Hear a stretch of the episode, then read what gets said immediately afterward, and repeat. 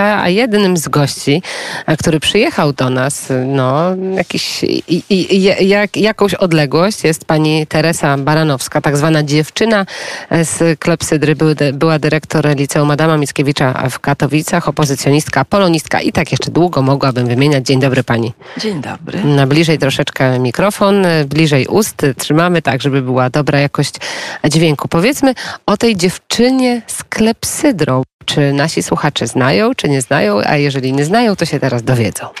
No, jest taki film o mnie właśnie pod tytułem Dziewczyna z klepsydrą. Dotyczy mojej działalności opozycyjnej.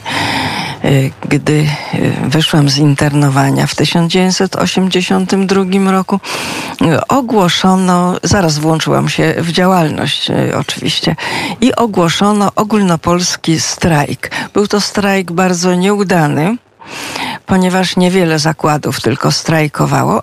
No i SB chciało mnie zamknąć przed tym strajkiem, bo bardzo często się zdarzało i wcześniej, i później, że przychodzili do mnie na rewizję, potem zabierano mnie na 48 godzin, jak to mówiono, do przechowalni pani Tereso.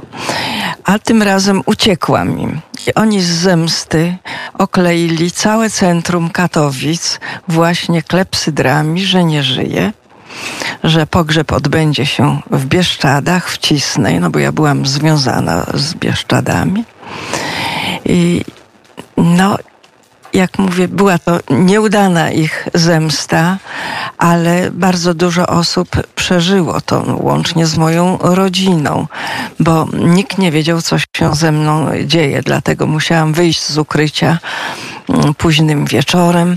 Pamiętam, że już byłam w swoim mieszkaniu i naraz słyszę szur, szur, szur pod drzwiami, a tu sąsiadka ze zniczem, bo bardzo dużo zniczy było i pod domem, w którym mieszkałam, to był taki olbrzymi budynek zwany super jednostka i pod moimi drzwiami, bo myślano, że faktycznie nie żyje, więc składano kwiaty, zapalano zniszcze. Było dla mnie też to przeżycie niesamowite. No tak, tym bardziej, tak jak pani mówi, dla najbliższych i musiała się pani w sumie pojawić i im, i im to wszystko e, opowiedzieć, jak wyglądały po tej klepsydrze z kolei pani przeboje i te wszystkie sprawy związane z aparatem bezpieczeństwa PRL-u? Ja miałam cały czas przeboje. Byłam bardzo związana z Bieszczadami. Po śmierci mego brata y, opiekowałam się jego gospodarstwem. Tam mieliśmy hodowlę owiec,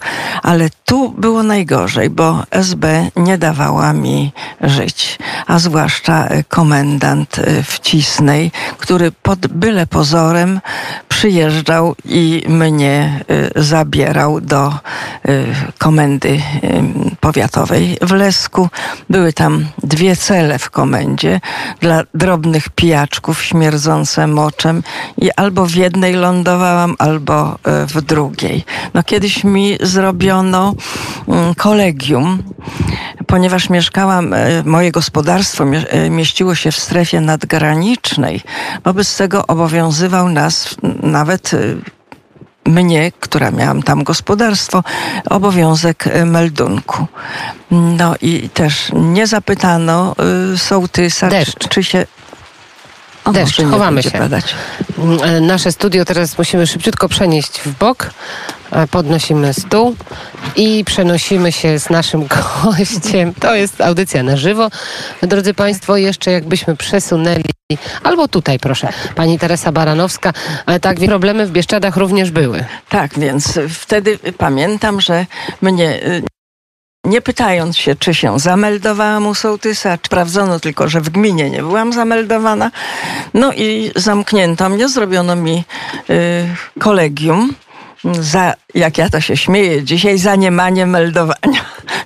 Oczywiście później wygrałam to kolegium, bo otrzymałam dosyć wysoką karę, mm, ale odwołałam się do kolegium przy wojewodzie krośnieńskim. Wygrałam to i, i kara została e, anulowana. Ja nigdy nie darowałam im zawsze odwoływałam się od wszystkiego, nawet od internowania się odwoływałam do komendanta wojewódzkiego, y, przypominając słoma Włodzimierza Ilicza Lenina, że opozycja może istnieć nie tylko w więzieniu.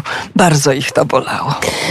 To były te y, czasy PRL-u, rok 89, transformacja ustrojowa i przemiany w Polsce. Jak pani ocenia z perspektywy no, tych już ponad 30 lat? Czy na pewno wzięłam y, udział w wyborach y, 4 czerwca. Natomiast proponowano mnie, y, żebym startowała do Sejmu. No, no i tutaj w Polanczyku i na wzgórzach ten internet czasami się lepiej łączy, czasami gorzej, ale my wracamy do rozmowy z panią Teresą Baranowską. Zapytałam się o, o lata 80., y, koniec 80. lat, o transformację ustrojową i to, że nie zdecydowała się pani nie brać udziału w polityce. się.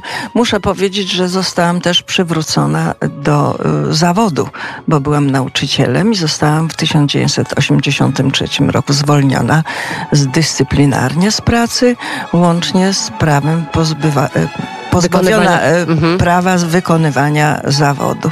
Także w 1989 roku zostałam przywrócona Wróciłam do szkoły, do tej samej, z której zostałam wyrzucona, bo chciałam spojrzeć tym kolegom, koleżankom, którzy przeciwko, niektórzy zeznawali przeciwko mnie, bzdury opowiadali, że nie wzięłam udziału w, rewolucji, w Akademii z okazji rewolucji październikowej, czy koleżanka y, stwierdziła, że gdzieś na manifestacji krzyczałam precz z czerwonymi świńmi. Powiedziałam, jako polonistka nie mogłabym tak krzyczeć, prawda? left. Więc takie śmieszne to były historie. No, ale byłam zwolniona dyscyplinarnie. Wróciłam do zawodu i wystartowałam w konkursie właśnie do liceum imienia Adama Mickiewicza. Wygrałam ten konkurs i przez 15 lat byłam dyrektorem tego liceum, jednego z najlepszych i do tej pory też najlepszych, nie tylko na Śląsku, ale i w Polsce. Właśnie wczoraj przygotowując się do rozmowy z panią Teresą Baranowską, czytałam taki wpis Anny Dereszowskiej, e, znanej polskiej aktorki, która w przepięknych słowach o pani opowiadała, że była pani dla niej autorytetem i w ogóle dla wielu młodych osób, niezłomnej takiej postawy. E, to jest e, chyba taki naj, naj, największy, największy sukces dla pedagoga. No, niewątpliwie, bo nie tylko byłam jej dyrektorem, ale również byłam jej macochą. Wprawdzie po paru y, kilku latach y, wzięliśmy z Ani ojcem rozwód, natomiast z dziećmi rozwodu nie brałam, stąd mamy do dzisiejszego dnia wspaniały kontakt. Mm, Ania, rozumiem, była uczennicą liceum? Bardzo dobrą uczennicą. Gdy zdawała do szkoły teatralnej, trzeba było po drugim etapie konkursu pokazać świadectwo i Ania pokazała swoje świadectwo, a pani prorektor powiedziała, bo trzeba było oddać y, świadectwo, pani prorektor powiedziała, że takiego świadectwa jeszcze w szkole teatralnej nie było. Bo nie dość, że Ania miała y, świadectwo z paskiem, to jeszcze były same piątki i mówi, i pani zdawała matematykę na maturze, bo Ania pierwotnie miała iść na architekturę. Wobec tego jej poradziłam, że na pierwszym roku będzie miała 10 godzin matematyki. Wobec tego ta matematyka jej się przyda. No i miała piątkę z matematyki. Ale jednak wybrała trochę inny kierunek. Na A, ale w ostatniej chwili miała taki dylemat, czy zdawać, bo y, egzaminy do szkoły teatralnej odbywały się troszeczkę wcześniej i gdy dostała się y, do mm, trzeciego etapu, bo były cztery etapy do szkoły teatralnej. Y, w pierwszym etapie startowało 400 osób, do drugiego dostało się tylko 80 osób. No i taka była cały czas selekcja. No i pamiętam, że po drugim etapie moja córka mówi, mamusiu, Ania płacze. Pobiegłam do niej do pokoju. Ja mówię, co się dzieje, Anusiu? No bo nie wiem, co mam robić, czy jutro start, e, pojutrze startować e, na Politechnikę Gliwicką na architekturę, czy też mam jechać na ten trzeci etap. Bo przecież no, za rysunek płaciliśmy, Ania miała korepetycję z rysunku. No ja mówię, rób, co ci serce nakazuje. A ona mówi, to jadę do Warszawy. I pojechała i możemy ją też w tej Warszawie oczywiście na różnego rodzaju spektaklach e, e, oglądać. Ale jeszcze wrócę do, e, do Pani działalności opozycyjnej, ale też w kontekście tego, jak dzisiaj wygląda Polska. Jak Pani po tych właśnie trzydziestu paru latach patrzy i na elity rządzące, i na elity opozycyjne i, o, i na to, jak dzisiaj ta klasa polityczna ja wygląda. Ja bardzo ubolewam, o, oglądając czytając o tym wszystkim, co się dzisiaj w Polsce y, dzieje, ze względu na to, że nie wyobrażam sobie mm, takiej sytuacji, jak y, opozycja, która się mieni, że są patriotami i głosują przeciwko Polsce. Jest to bardzo bolesne.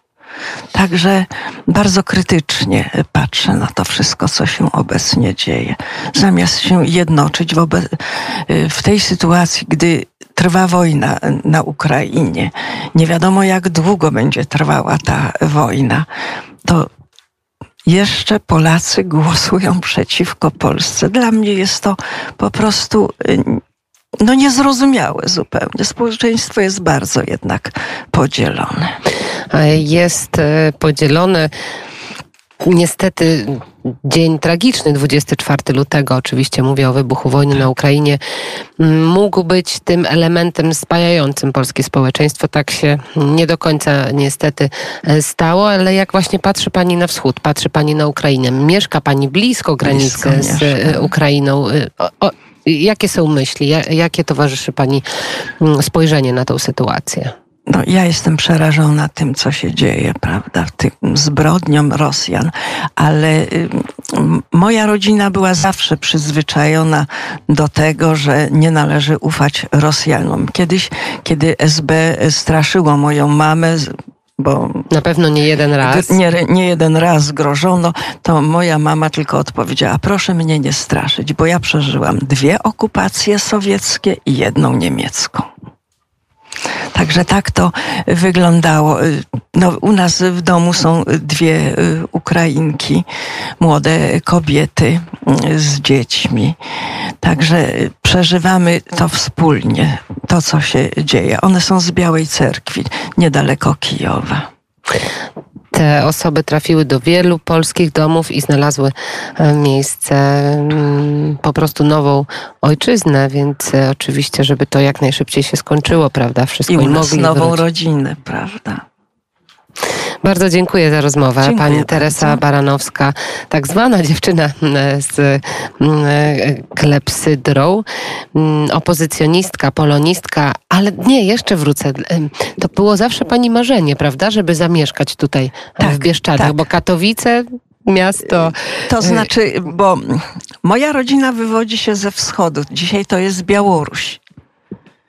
E, ja się urodziłam niedaleko Nieświeża. Moja mama się urodziła. Ojciec również z tych okolic y, pochodził. Y, ja się już urodziłam jako dziecko repatriantów w Bydgoszczy. Y, potem po śmierci ojca mieszkaliśmy jakiś czas w Hajnówce i mając 18 lat, gdy skończyłam liceum, poszłam na studia do Katowic. I związałam się ze Śląskiem no, ponad 40 lat. Ale jednak tutaj ciągnęło pani. A mój brat y, był takim outsiderem, można powiedzieć, wagabundą. I w 1969 roku przyjechał tutaj w Bieszczady po raz drugi, bo w pierwszy raz był jak miał 18 lat. Zakochał się w Bieszczadach i postanowił właśnie przyjechać i osiedlić się w Bieszczadach. I tę Kupił, miłość zaszczepił. I zaszczepił ja. Każdą wolną chwilę przyjeżdżałam w Bieszczady, byłam u niego, potem już miałam to gospodarstwo rolne i Pracowałam już w Katowicach, ale jednak marzyłam, że w momencie, kiedy przejdę na emeryturę, to na stałe przeniosę się w Bieszczady i marzenia moje się spełniły. Czym dla pani są Bieszczady? Kocham Bieszczady. Po prostu. Jest to moja ojczyzna. Miłość, miłość i ojczyzna.